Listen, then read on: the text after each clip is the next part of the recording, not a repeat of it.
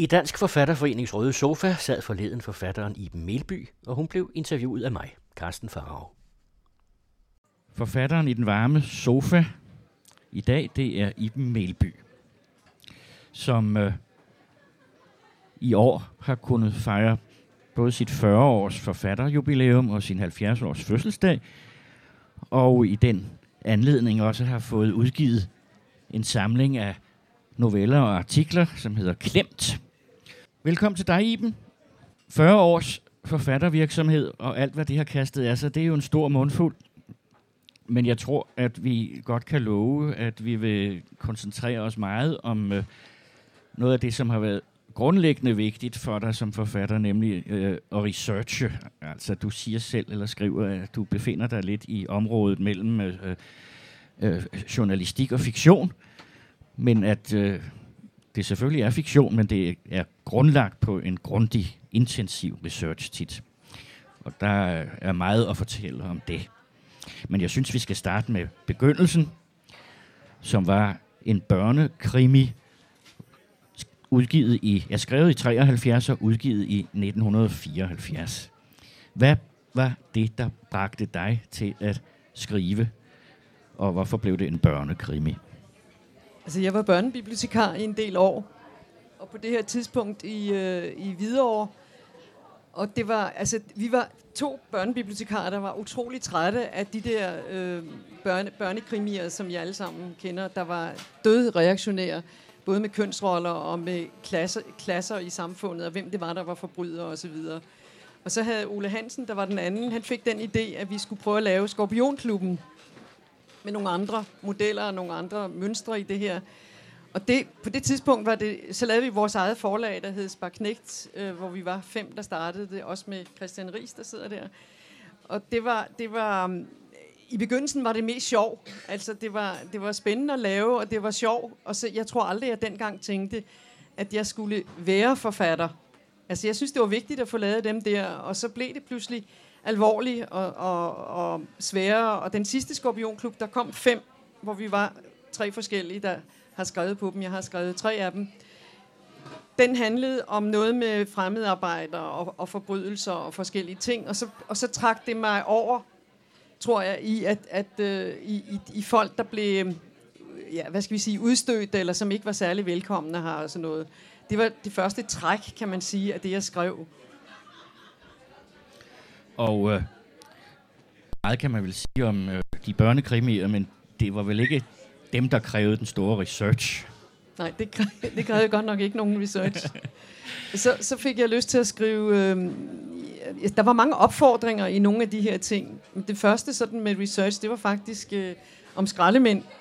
Fordi, og det var noget, det var noget med, med øh, om skraldets vej og skraldemændenes arbejde. Og det var jo også meget ind der i 70'erne med, at man skulle beskrive forskellige job. Øh, og jeg fandt frem til et utroligt øh, skægt hold på tre skraldemænd, som øh, fotografen Gregers Nielsen og jeg var ude og, og køre med om natten og tømme, og det var enormt skæg altså. Men det var også et sådan fuldstændig andet miljø, og der starter det der, som jeg synes har været spændende i mit liv, at man øh, kommer meget sammen med nogle folk fra nogle fuldstændig andre miljøer, end der, hvor jeg selv kommer fra. Og at man kan lære af det, og man kan... Jeg kunne godt lide for eksempel det, der så startede her, den der pirateri, plejer jeg at kalde det, deres øh, humor, deres sort humor, deres drillevæsen, deres øh, lidt mørke. Altså deres arbejde var jo egentlig lidt mørkt, når, hvis man går ind i, i, i skraldet, om jeg så må sige på den måde. Men det var sådan nok den første, første hvad skal vi sige, research, jeg lavede. Øhm, og, og så allerede i, allerede i 80 begyndte jeg at komme i fængsler. Altså der, skulle vi, der, der var en stor udstilling inde i Projekthus, inde i huset i Magstræde, om livet i skyggen, og hvor vi kom til at arbejde sammen med fanger. Det var det eneste fængsel, hvor vridsløse, hvor man gav os lov til at komme på besøg, og, og nogle af fangerne kom ind og deltog og skrev tekster, og de spillede sådan en slags øh, dokudrama, eller hvad man skal kalde det. Og der var lavet plancher og sådan noget. Og der gik jeg med i besøgsgruppen, fordi jeg faktisk gerne ville skrive en roman. Jeg havde ikke noget, der bare lignede en, en historie. Jeg ville bare gerne skrive om, hvad der, hvordan det var i et fængsel, og om dem, der var landet der. Altså, hvorfor var de endt der? Og det, fra jeg var helt ung, var jeg vild med at høre radio. Og så hørte jeg blandt andet om folk på den anden side, altså af krigsdrejen, og hvorfor var de nu ind der, og sådan noget. Og det har jeg altid været dybt fascineret af. Så det hang meget godt sammen, at jeg øh, gerne ville komme i Vridsløse, og så fandt jeg, altså jeg ville lave en voksenroman for første gang på det her tidspunkt. Øh, og fik så som faste partner, der, samtalepartner, jeg fik lov til at komme der meget igennem halvandet år, og talte med fanger. Jeg fik lov at hente dem fra der, altså de kom fra deres arbejdsplads, der er arbejdspligt i danske fængsler. Og så sad jeg sammen med dem i flere timer af gangen, og så nogle gange var jeg på afdelingerne, og, og var sammen med dem flere af gangen, hvilket jo betød meget for mig i hvert fald, fordi jeg er godt nok forskellige, når man sidder på tomandshånd, og når man sidder i klyngen. Det er vi andre også, det ved jeg godt, men det er helt enormt med folk, der er i tvunget mandekollektiv. Men man skal i hvert fald ikke røbe sig, man skal ikke vise noget, og man skal ikke blotte sig, fordi så bliver det brugt mod en og alt det der. Men jeg blev brugt meget som en ventil, tror jeg. Altså, det kunne jeg så give dem vel, at de turde fortælle mig om deres angst, om deres sindssyge jalousi, om deres mareritter om natten. Også om angsten, når de skulle ud, hvordan de skulle klare det. Fordi jeg repræsenterede jo slægtsystemet. Altså, jeg var ikke nogen repræsentant for det øh, selve, hvad skal man sige, ja, systemet. Øhm, og det, det jeg så fik ind, altså jeg følte mig vel egentlig som en svamp, altså at jeg sugede op, og så på et tidspunkt danner der sig en form for historie, der danner sig først og fremmest nogle personer. Og det har altid været sådan for mig, at jeg har lavet hovedpersoner, dem har jeg skabt. Men jeg kunne nok ikke have skabt dem i de miljøer, hvis jeg ikke havde været så meget sammen med nogen øh, fra for eksempel fra fængslerne. Men bifigurer, de kunne godt gå meget tæt på at være, være personer, jeg havde truffet, men det var vigtigt ikke at lave en person fra fængslet, og så gøre ham til en hovedperson. Det, det var jeg ikke interesseret i. Og det tror jeg heller ikke havde været særlig konstruktivt. Du har antydet nu lidt om det der kulturmøde eller kulturschok, som det må have været for dig i virkeligheden, at komme fra et forholdsvis beskyttet øh, miljø, og så komme ind der, hvor man møder nogen fra et helt andet kant af samfundet i en ekstrem situation. Øh, kan du, uden at være indiskret, øh, sådan komme med nogle konkrete eksempler på nogle af de mennesker, du mødte der? Hvad, hvorfor var de havnet der? Ja, altså jeg, jeg kan huske, at jeg tænkte, hvis man skulle sige en sætning om, hvad det var for en slags mennesker, der mest var i fængsel, så ville jeg på det tidspunkt sige, det var nogen, solen ikke havde skinnet på. Og det var nogen, der under alle omstændigheder ikke havde mødt noget, der bare lignede kærlighed. Og der var så ut- utrolig meget omsorgsvigt. Og det er ikke en kliché, det var faktisk, øh, sådan var det. Altså, der er en del andet øh, klientel i dag, end der var, da jeg kom der mest i 80'erne og 90'erne. Øh, det er blevet hårdere, der er mange flere meget unge, og der er utrolig mange flere øh, af ikke dansk øh, baggrund. Øh, ikke kun dan- altså indvandrere, eller hvad man skal sige, som bor her, men også folk på gennemstrømning, altså der har med narko at gøre. Og det, og det sidste her, det laver en dårlig, dårlig stemning i, i, i fængslerne. De skal jo ikke øh, blive her, altså. Jamen, det, det er det første, jeg i hvert fald vil sige. Og, og så synes jeg, det var... Altså, jeg valgte som mine hovedkilder en drabsmand og en hashhandler som lige så godt kunne have været en, jeg havde boet i kollektiv med, altså vil jeg sige. Vi havde enormt meget, som, hvor vi bare forstod hinanden. Og så var der en ung, og det er nok mere sådan en klassiker, som jeg snakkede om før, en ung, som kom fra den baggrund, jeg lige nævnte, som var um, væbnet røver, altså sådan et, et, et egentlig miserabel fyr, altså meget sød, men altså jo helt lost. Øh, og jeg synes, det var vigtigt, at det var folk med så forskellige baggrund og så forskellige øh, udstyr også i hovedet. Men det var vigtigt, at de kunne sige noget. Det nytter jo ikke noget, at der bare sidder nogen og, og ser ned i gulvet. Altså, det, det var vigtigt, at de ville, og at de turde sige noget.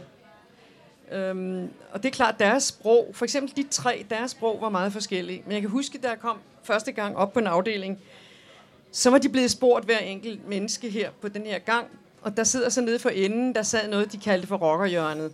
Det var sådan en lille fyr, som hed garanteret Brian, for det hed flere af dem i hvert fald. Og han var sådan en lille, lille bred fyr, og så havde han nogle kæmpestore sådan bodyguard-agtige fyre omkring sig. Men han styrede det her, den her trio. Og da jeg gik op ad gangen og skulle op på, på toilettet i, øh, ved siden af betjentburet, så, så, råbte, så råbte ham der, øh, øh, Brian der, så råbte han, det er godt nok en bred røv, du har der. Og så sagde, vendte jeg mig om, og så sagde jeg, ja, den er jeg jo født med. Og så gik jeg videre, og så sagde han, kommer du herned og drikker te bagefter? Eller tør du ikke? Så sagde jeg, jo, selvfølgelig gør jeg det. Så jeg, jeg kommer om lidt. Og så kom jeg ned og satte mig der. Og så gik de ellers til den med deres forskellige... Øh, altså, de prøvede mig af simpelthen. Og jeg har ikke haft svært ved at, at give igen. Jeg jeg har ikke svært ved at være rå øh, sproglig. Så de synes, jeg var lidt morsom. Og det sjove med ham her bagefter, det var, at han så pludselig, efter han havde set mig nogle gange, så siger han, du, øh, den der bog, det, var så, det blev til min roman Elskede Anne, min første voksenroman. Så siger han, den roman, du sidder og laver der, kommer den med store bogstaver? Og så sagde jeg, ej, det gør den altså ikke. Åh, det var fan med ærgerligt. Og så sagde han, jeg, jeg, jeg er ordblind. Det var jo, altså det er en stor tillidserklæring, det her. Jeg tog det faktisk meget ømt, at han fortalte mig det. Jeg synes, det var, var ret flot. Og så lige med dem vil jeg bare fortælle en kort historie, der var så sjov, fordi jeg skulle så over på et af værkstederne, og dengang, det findes ikke mere, men dengang var der et børstenbinderi. Og det børstenbinderi, det havde, det havde øh, altså, de havde fået, hvad det hedder, når man godt må bruge nogle maskiner, som egentlig er for, forældet. At de havde fået lov at køre med de her gamle maskiner, ikke? Jeg kan ikke huske ordet. Dispensation, tak. Og så skulle de jo så gik værkføreren rundt med mig, og så sagde jeg, ved du hvad, jeg får ikke noget at vide af de her, øh, jeg siger fanger, for det vil de helst af, man siger. Øh, de synes, det er latterligt, man siger indsatte. Så hvis jeg skal snakke med dem, så skal du lade mig være alene sammen med dem jo. Og det er jeg vant til, så det vil jeg gerne. Og så kom jeg ind, og så sagde de, nu skal du kraftedeme se noget, vi laver her. Altså, og nu laver vi lige noget sjov for dig, fordi her kan du se, her kommer der galtbørsterne ind. Galt, det er en kastreret handgris. Og så kom de der store øh, meget hårde øh, børste, øh, hvad hedder, børste øh, stykker. De kom så ind, og så skulle de kottes af, og så skulle de bonkes ned i, i øh, dyb, fordybninger i skæfterne. Og så havde de været henne og pillet ved maskinen, sådan at den satte de der øh, børster på alle mulige andre steder end ned i fordybningerne. Og så sagde de, det her det er vores festudgave. Og det er fordi, de havde gjort det over for eksempel nogle betjente, der skulle op og, og bese dem, som de kom jævnligt og skulle bese dem, og det var de røv trætte af, og så gjorde de sådan noget, at de tog røven på dem en gang imellem, og så lavede de for eksempel sådan noget. Når jeg siger det, er det også for at fortælle, at det var karakteristisk for flere af dem, at have den form for humor, og den kunne jeg jo ikke rigtig stå for, altså. Det var bare en lille anekdote. Ja, men det, dem vil vi gerne have flere af. Men du sagde, at øh, ville jo ikke gøre en, en af fangerne til hovedperson. Så hvordan klarer du så det? Jo, hvad gør man? Altså, jeg er vel en slags forfatter. Så jeg havde jo prøvet at suge til mig af, af meget af det, jeg havde hørt, og meget af det, jeg gerne ville skabe. Altså, der, det er klart, der var nogle træk, jeg gerne ville have, en person skulle have, en hovedperson. Der var noget, jeg gerne ville have til at fungere, fordi noget af det, der kendetegner Elskede Anne, er meget at det var første gang, der blev, blev skrevet om de pårørende.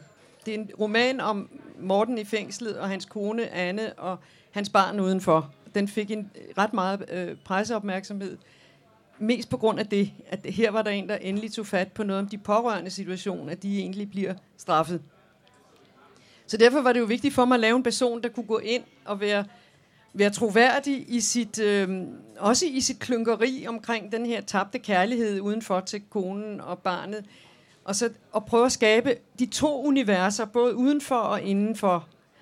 Og hvordan de næsten ikke kan mødes i et besøgsrum, som er det, var det eneste sted, de kunne mødes. Øhm, og som jo gjorde afstanden mellem dem større og større. Altså fordi for mange af fangerne er det sådan, at universet derinde hos dem er sådan, at det er så synd for dem. De sidder her, og mange af dem har jo sørme ikke gjort det. De skulle ikke have haft sådan en hård straf. Det, det, det er der i hvert fald nogen, der lider af. Og så... Øh, Jamen, altså, det var vigtigt at bygge det op. Det, det er klart, jeg bliver nødt til at digte for at bygge sådan noget op med, at det skal fungere med hans kone og hans barn og ting, der er svære og sådan noget. Det, det kan jo ikke bare, fordi et menneske sidder og fortæller mig, at i går var min kone der, det var fandme svært. Og så havde, altså, det er jo ikke, foregår jo ikke på den måde.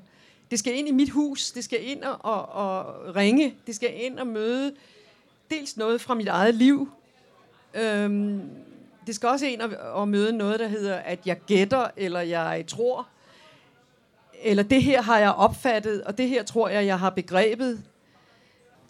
Men du havde også øh, i din research talt med pårørende, ikke? Jo, det havde jeg. I, men ikke så meget, fordi jeg tror, det var nemmere for mig at sætte mig ind i en pårørende situation, end det var at sætte mig ind i fangens. Altså, så det var ikke... Jo, jeg har talt med flere pårørende, og også flere gange. De bliver alle straffet, siger du. Det er jo en vigtig pointe. Altså, hvor føler, føler de pårørende også, at de bliver straffet? Ja, det gør de faktisk. Det er der jo ikke meget opmærksomhed omkring, vel? Nej, altså, det ved altså, Jakob der har været fængselspræst i, i mange, ja. mange, mange år i Ridsløse, og, men, men det vil både og, vil jeg sige. Mm. Øh, der er kommet mere opmærksomhed. Der var ingen opmærksomhed omkring det her, da jeg lavede den bog. Det vil, det vil jeg påstå. Fordi det var derfor, den løb med så meget opmærksomhed. Så det, det kan der jo ikke have været. Men, men det er jo, og det er børnene, altså det er ikke mindst børnene, der bliver straffet her, ikke? Altså, fordi de, de, nogen, altså der er flere versioner af det her. Der er nogle børn, som får at vide, at de skal ikke sige, at deres far sidder i fængsel. Så skal de køre med den her løgn og finde på. Så er der nogle børn, hvor, hvor forældrene ikke fortæller dem det. Altså hvor moren siger, at faren er rejst, eller faren er på hospitalet, og det er en så hårdrejsende løgn, som har betydet, at der er flere børn, der er gået øh, meget i stykker på det her, og, og egentlig ikke har tilgivet nødvendigvis, at der er blevet løjet sådan for dem.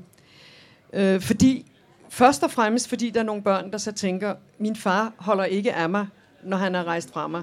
Så det er en fatal brøler.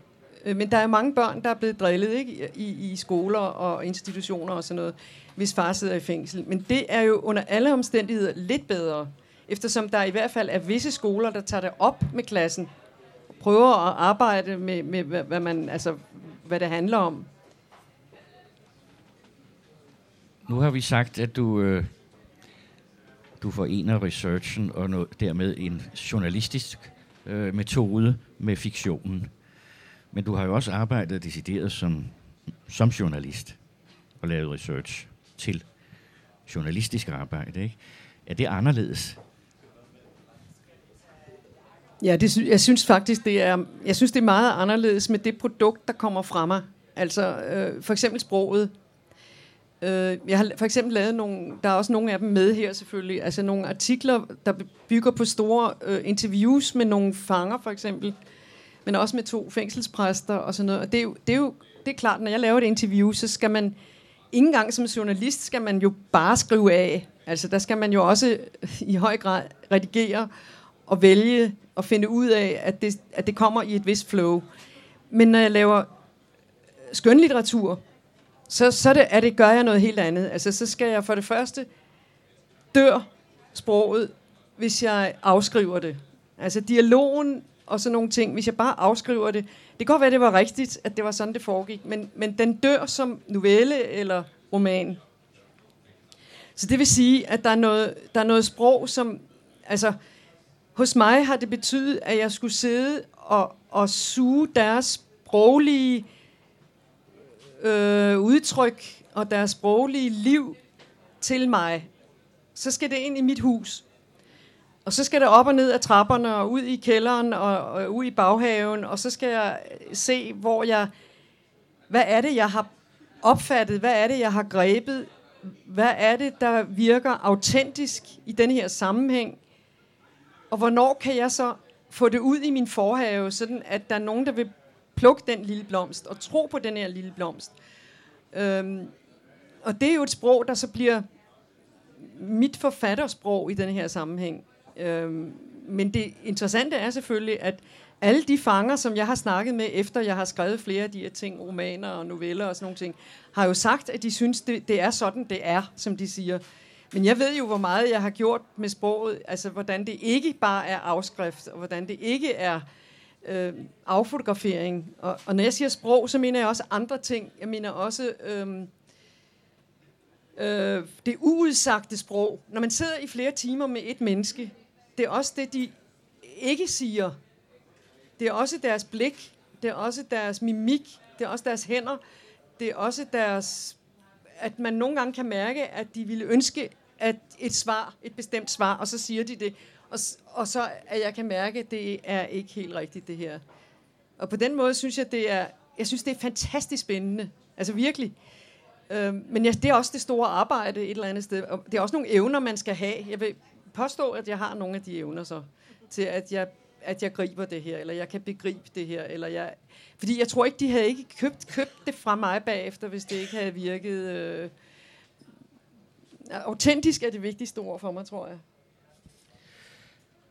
Var der, nu er der, fortæller du en af fangerne i hvert fald, der ikke var i stand til at læse romanen, men har du fået respons fra, fra nogen af dem? Ja, det har jeg jo for. Altså, ja. Først på Elskede Anne. Altså, ja. Jeg har øh, fået fra flere fanger senere. Øhm, der var en, en, der skrev til mig, øh, altså efter han havde været, det var nu Jakobs forslag der, der, at han skulle tage kontakt til mig. En, der var en, øh, en bankrøver, som havde fået at vide så meget, at han havde skadet folk i banken, når han havde haft pistol mod dem og sådan nogle ting. Og hvor han så skrev et lille brev til mig, at han havde læst Elskede Anne, og han havde grædt, og han havde ikke kunne forstå, at nogen kunne gribe det sådan, den der, hvad der foregik i et fængsel, og hvad det gjorde ved en. Og derfor ville han gerne tale med mig, fordi han kunne give mig noget mere stof, eller han ville gerne, hvis jeg ville arbejde mere i et fængsel. Og så fik jeg den idé, at jeg gerne ville skrive om et, at jeg vil gerne møde ham, men jeg, jeg, jeg, jeg sagde også øh, til, til dig, Jacob, at hvis jeg ikke kunne lide ham, så kunne jeg ikke gå ind i noget samarbejde. Altså, der er jeg ikke journalist. Altså, øh, jeg behøvede ikke elske ham, men hvis jeg ikke kunne lide ham, så ville jeg ikke kunne gå ind i et så stort et arbejde. Øh, og så skulle jeg møde ham, og, og jeg synes, at han var interessant, og han var sådan en meget høflig mand og en begavet mand. Og han øh, ville gerne fortælle lige så meget, jeg ville høre om alle de her bankrøverier og så videre, fordi jeg, jeg, det, der triggede mig, det var, at han sagde, jeg kan ikke forstå, at det skal være så forfærdeligt. Jeg var høflig, og jeg var kort, og jeg var klar. Og de har gået på kurser om, at der kan ske bankrøverier. Og så tænkte jeg, her har vi hele bogen altså. Det her, det skal simpelthen være en ung bankassistent, jeg skal have skabt her, der skal opleve det her, så hun går i stykker. Fordi det er jo, hårene rejser sig jo på armen af mig. Altså jeg sagde, nu ved jeg godt, hvad jeg skal lave, det bliver, og du skal, det bliver ikke din bog, det her altså.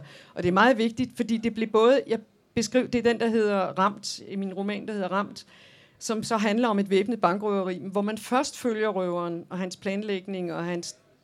Fordi en af de ting, øh, han hedder Sten ham her, Sten havde fortalt mig, det var, at han havde overnattet i banken. Og det, det er så det, jeg tænker på, også når man som forfatter tænker, jamen jeg vil gerne lave en god historie, jeg vil gerne lave en spændende historie. Øh, det er dog det mest uhyggelige, jeg kunne forestille mig, at man låser sig ind i en bank, og så er der en derinde. Så, så greb jeg ligesom den del af hans historie. Øh, og så sagde jeg, det var meget vigtigt for mig at sige til ham, at det var ikke et portræt af ham. Og det var det, det, var det jo altså absolut heller ikke. Men, men han gav mig jo fantastisk mange detaljer, spændende ting, også om sine egne følelser, mens han overnattede, alle de tanker, der var gået igennem hans hoved. Det synes jeg var sjovt at bruge, altså var interessant at bruge simpelthen. Øhm, så det er klart, at jeg har den der med at bruge, bruge virkeligheden, altså at jeg bruger dokumentarisk, jeg bruger omdækning af dokumentarisme, og jeg bruger ren fiktion. Det er vel egentlig de tre trin.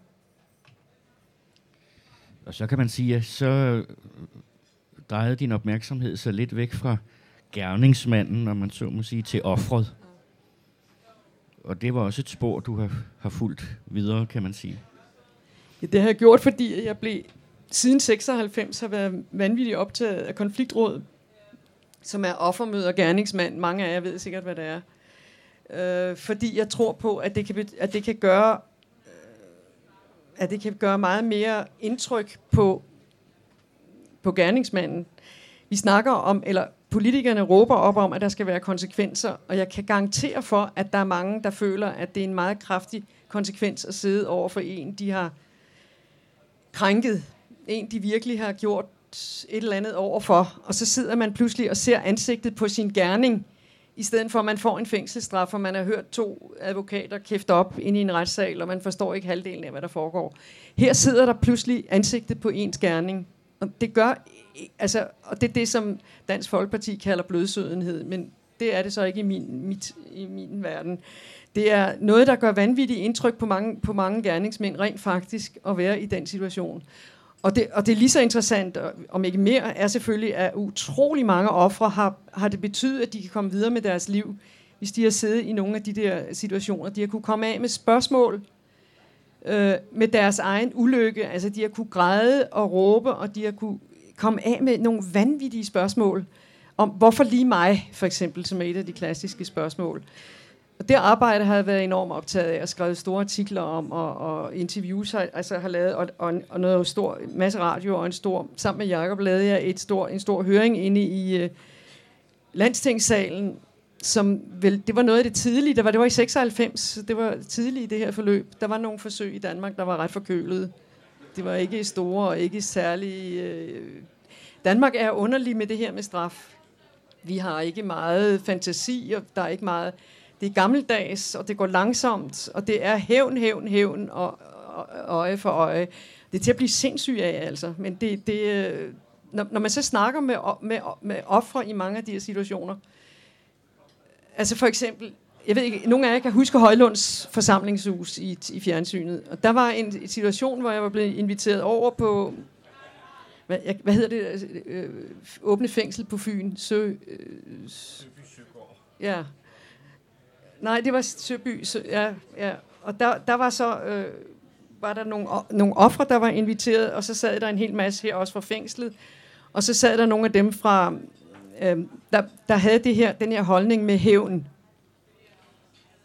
Og så kom der, den ene var et offer, der sad i, i øh, kørestol, han var blevet kylet ned i fuldskab, hvor han blev øh, banket og kylet ned af en trappe uden for et, et diskotek, og var kommet meget alvorligt til skade. Og så sad de jo, og så, og så snakkede de i forskellige der, og så nogen talte kun om hævn og mere hævn, og så bad han om ordet, og så sagde han, nu var han træt af at høre på det her, fordi han vidste bare, at det hjalp ikke en skid, om han så fik et år eller fire år, det ravede ham en papand, han var blevet invalideret. Nej, han ville have ønsket, at man havde tvunget den mand, der havde gjort det, til at sidde ved siden af hans sygeseng, da han vågnede med alle de her ting, som han havde lavet. Det havde gjort indtryk, sagde han. Det er jeg sikker på. Vi må regne med, det er jo ikke alle forbry- altså, forbrydere er jo ikke måske så anderledes end os. Altså det der med, når, når folk begynder at snakke om sociopater, så står jeg af, for det synes jeg ikke er det spændende at snakke om. Men altså mennesker, der har begået en masse af kriminaliteten, altså i, på den måde, ikke, er, jo, er jo mennesker med følelser, og en del af dem har samvittighed, men de kan ikke komme til at, at, at, at, at mærke den de kan ikke møde deres egen samvittighed inde i et fængsel. Det er noget af det mest tomme og meningsløse, som findes altså. Jeg kunne godt tænke mig, øh, for at komme igennem hele paletten, at vi sådan lavede en lille øh, digression ud til dit, noget af dit egentlige journalistiske arbejde, fordi der har jo også været nogle tilfælde med øh, spændende øh, research, og her tænker jeg jo først og fremmest på dit øh, ophold i Ruhrområdet. Vil du ikke fortælle lidt om det? Jo, det er rigtigt. I, i, I 86 fik jeg et legatophold i Ruhr, hvor jeg skulle bo i, i, i noget, der blev kaldt for et kultur, Kulturhaus Bergmanns Glück, som jeg senere døbte Bergmanns Unglück. Men, men det var et, et øh, der fandtes intet kultur i det. Det var en snydetamp af en, af en tegner og maler, der havde fået tiltusket sig nogle penge fra Socialdemokratiet i Tyskland, og som så mente, at han nu havde tænkt sig at starte et kulturhus der. Han havde boet gratis i mineområdet, og, der, og han selv tegnede ned fra minerne. Og så var det så meningen, at jeg skulle øh, bo der i tre måneder, få lidt lommepenge, og så skulle jeg med ned i kulminerne.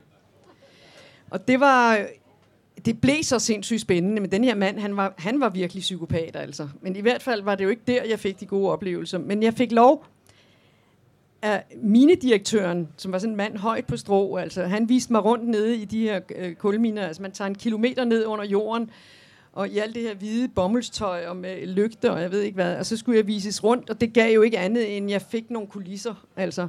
Men, men det interessante var, at jeg fik lov til at tage ned og være med på nogle, øh, altså på på et hold. En hel nat for eksempel var jeg med nede. Og de var simpelthen så skønne, de der, det, jeg siger det lidt, det er lidt som skraldemændene, altså. De, de var så herlige, de der, de kumpel, som de hedder, de der øh, kammerater dernede. Altså, de var satmiske ikke at være sammen med. Og de havde aldrig oplevet noget lignende, at der kommer en dansk kvinde ned fra, fra Danmark, som skulle med ned på det der. Det var da godt nok specielt. Og jeg havde jo øvet mig som en gal på de tyske fagudtryk ned under jorden og så ville de tage røven på mig, så de begyndte på deres rurgibitske øh, øh, dialekt. Og så forstod jeg det jo ikke. Og så kunne de godt se, at det var måske alligevel lige lovligt hårdt, ikke? fordi nu havde jeg fandme gjort mig sådan umage. Nå, og så lå vi på bånd og kørte og kørte og kørte, og, og, og jeg så alt, hvad det der, de lavede. Og bagefter var jeg så inviteret til Glück altså op og til morgenmad og sådan noget. Det var, det var jo, jamen jeg synes, det var, jeg synes, det var, når jeg siger skæg, kan det godt være, jeg synes, det er underligt, men det var det altså for mig, ligesom med skraldemændene.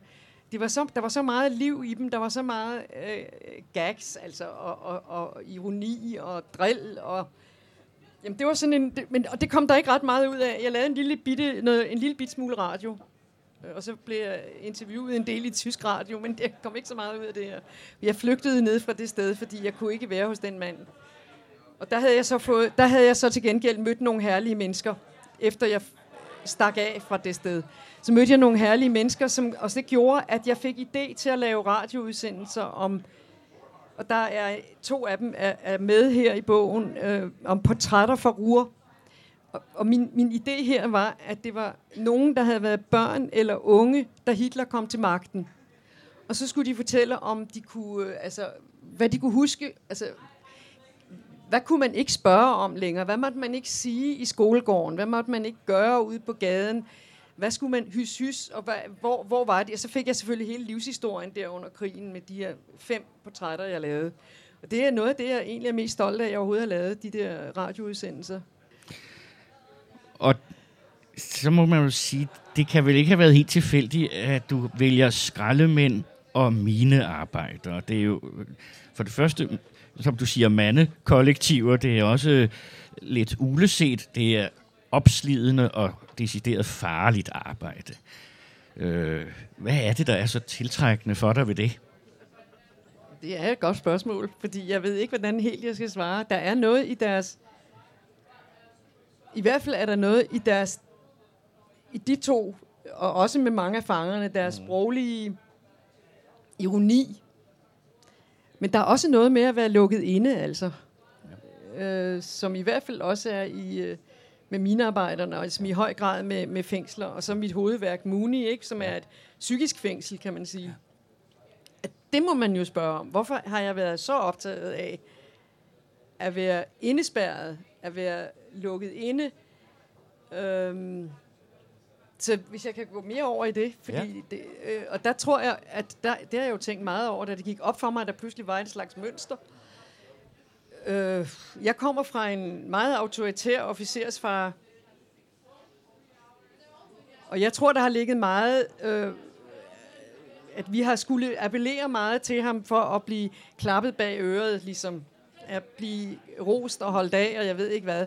Sådan at man på et tidspunkt måske laver sig et sprog, som man bliver holdt mere af, hvad ved jeg. Altså, sådan at man kan opleve sig selv som tosproget, at det er lidt vanvittigt, men altså alligevel lidt.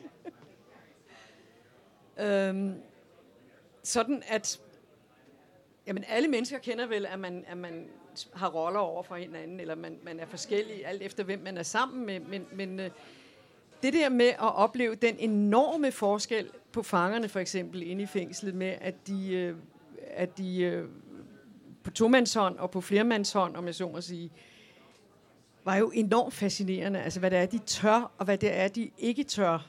Altså, jeg tror meget, det handler jo igen om, på en eller anden måde om sprog, mm. men også om at gemme sig, eller ikke ture, eller øh,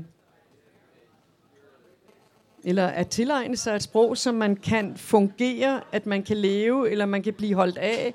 Jeg tror, sådan nogle ting er spillet ind, altså et eller andet sted. Du er også inde på, øh, øh, at øh, der er en stor nysgerrighed, der har drevet dig igennem alt, hvad du har lavet, men der er jo også et stort øh, socialt engagement. Det må man sige. Ja. Altså, det har jeg, jeg har altid været jeg har altid været socialt engageret, altså fra jeg var helt ung.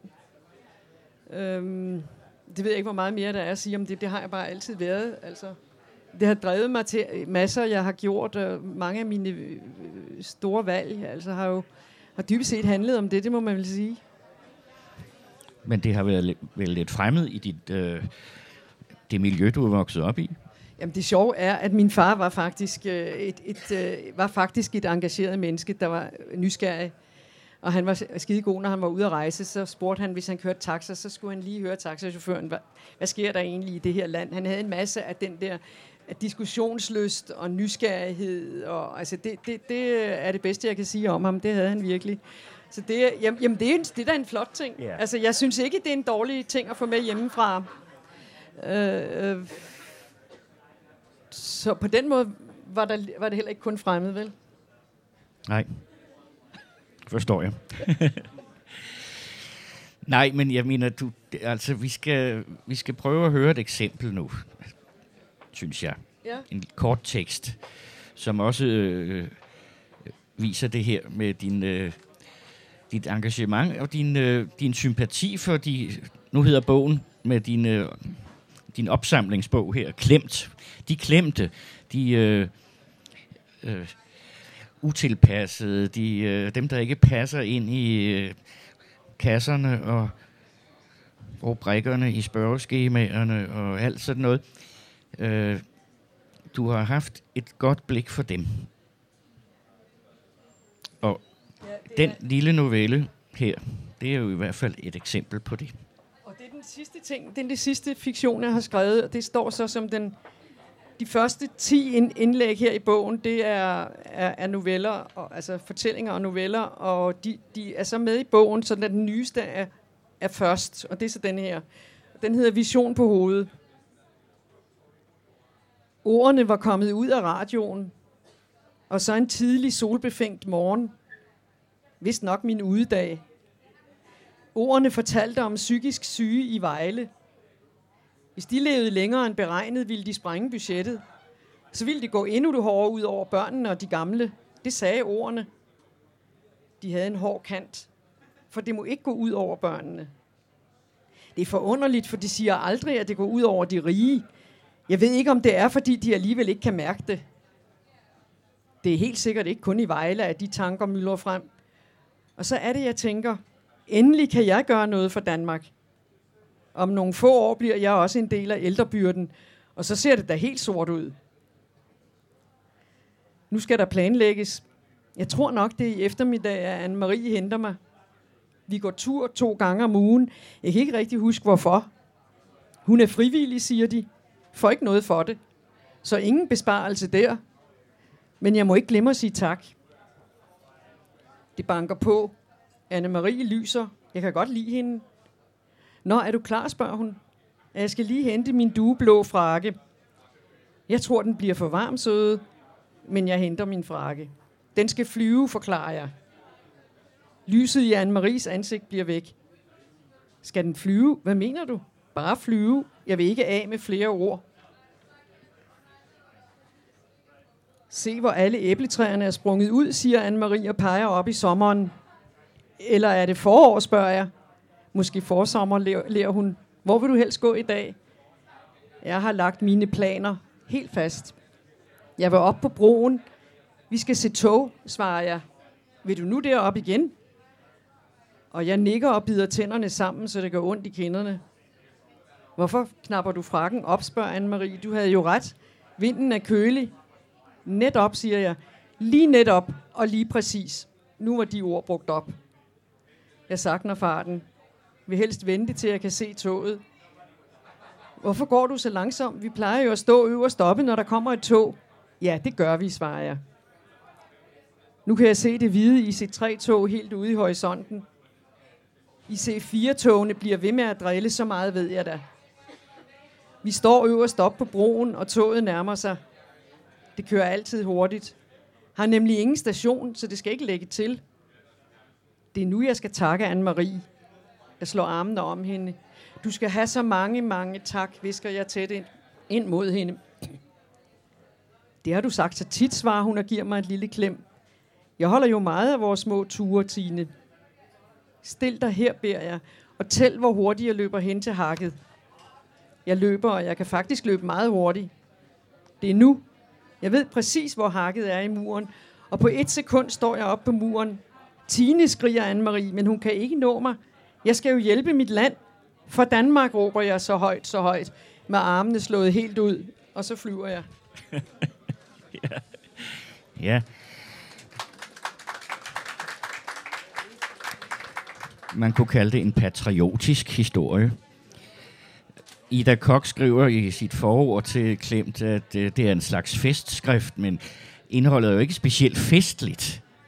Øh, og det mener hun jo ikke nedsættende, men hun mener, at du har en forkærlighed for at skrive om det problematiske, det tunge.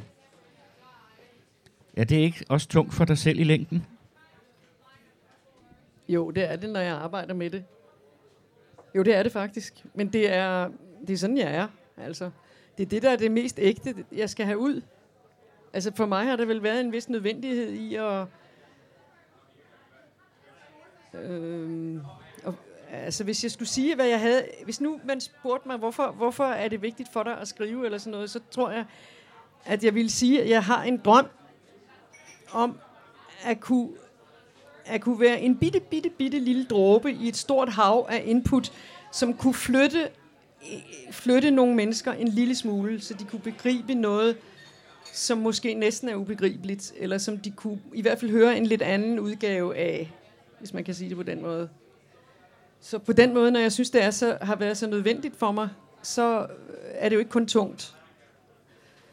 Øhm, men jeg har da, jeg har da, øh, jeg har da haft nedture, også mens jeg skrev øh, Elskede Anne, den første fængselsbog, og kom ud fra Vridsløse og sådan noget, og synes, det var forfærdeligt. Altså, jeg, jeg var helt sort indvendig af, af de oplevelser, synes jeg nogle gange. Så jo. Så skal vi i hvert fald også nå at have det, du kalder dit hovedværk med, som jo øh, også vel nok den største sådan, øh, kommercielle succes, du har haft. Øh, flere oplag og oversættelser til mange sprog og sådan noget, nemlig Muni, som jo også byggede på en særdeles grundig research. Hvordan startede det?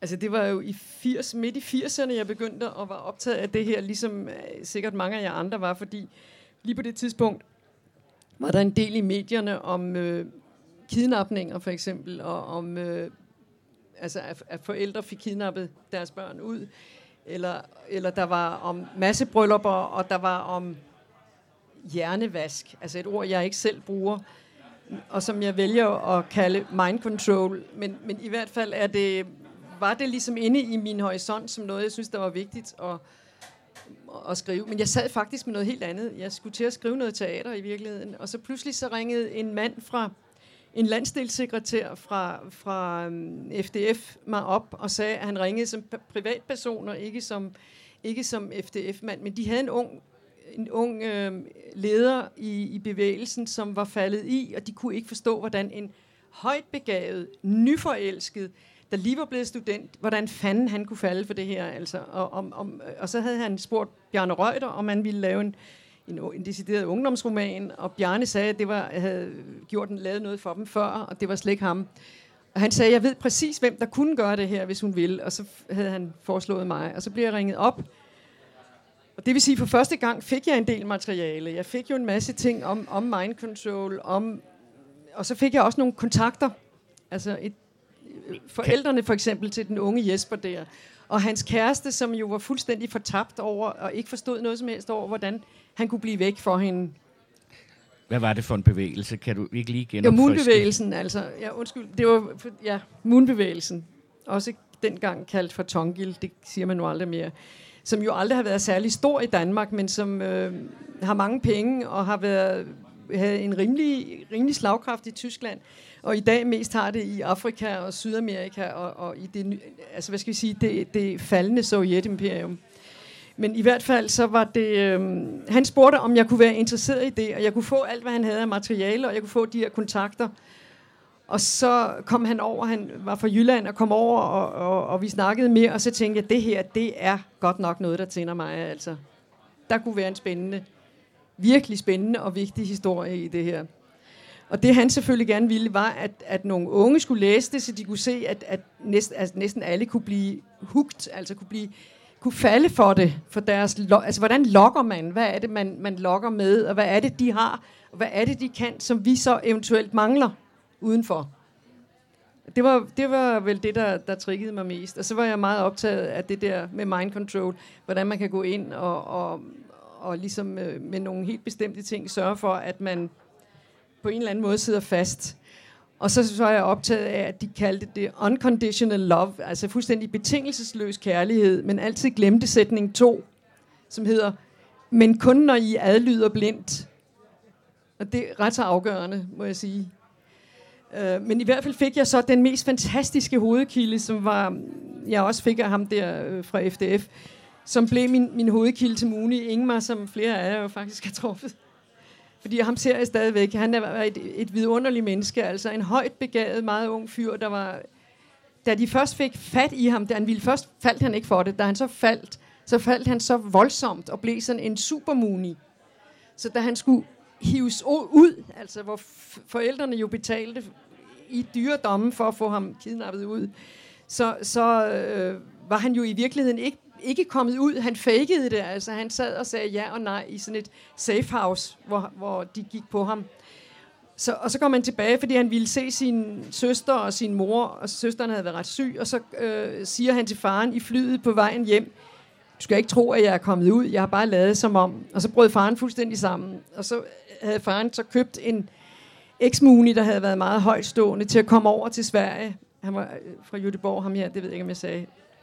Øh, Ingmar blev så sat i, i øh, beskydning, eller hvad man nu skal kalde det, af denne her øh, eksmuni i en uge. Og så gav han sig, og så sagde han, og så brød han sammen. Fordi så falder hele, altså, så falder alt det, der er den største drøm. Man har givet hele sit liv, man har givet hele sin tillid, og, og hele sin, det man nu vil arbejde for en bedre verden. Og så er det et stort sort hul foran en, der består af snyd, snyd og er der snyd. Og så falder mange mennesker sammen bagefter. Det tager enormt lang tid. Jeg har så fulgt Ingmar hele vejen, altså, og er gode venner med ham også i dag, og fulgt den udvikling med de ting, der ligesom var ved at gå i stykker, og, og han har det jo enormt fint i dag, altså, og han kan bruge, han kan faktisk bruge nogle af de metoder, eller nogle af de ting, han lærte. Og det er selvfølgelig alt sammen helt fint, men, men, men, øh, men jeg var også, jeg fik så det, at jeg, han var meget vigtig. Så fik jeg lov at deltage i et ex træf over i Jødeborg hos ham med, med folk, der havde været munier fra Skandinavien og så tog jeg, øh, gik jeg igennem hele undervisningen af deres øh, forbandede, øh, jeg kalder det ideologi, ikke det de kalder deres religion, herhjemme i 30 timer. Og så sagde jeg, at jeg kan ikke forstå, ved at have gået her i 30 timer, hvorfor der er nogen, der falder for det her. Så I må hjælpe mig, jeg må over til, jeg må over til San Francisco, og så må jeg opleve selv jeres øh, middag og de der ting, hvordan I prøver at møde folk på gaden og alt det der. Jeg vil gerne op i den lejr, jeg ved, I har i Nordkalifornien. Jeg tror, de undrer sig over, hvorfor jeg egentlig vidste de der ting, men det ville de meget gerne. At det er klart, dem, der tror, de har hele sandheden, de nøjes jo bare med at vise honningen. De viser jo ikke kniven, der er dyppet i honningen. Så jeg fik lov at komme derover, og så var jeg i øh, Kalifornien, altså nede i San Francisco, og deltog i forskellige ting, og så var jeg oppe i deres camp i Nordkalifornien. Og alt det her er selvfølgelig noget, jeg bruger i min bog, som er noget af det, jeg selv har oplevet ved at møde dem, og hvad, hvad de gør ved en, og, og, og altså alle de her ting, som, som jo meget nemt kan lægges ind i, i romanen, altså synes jeg. Også at opleve San Francisco for den sags skyld.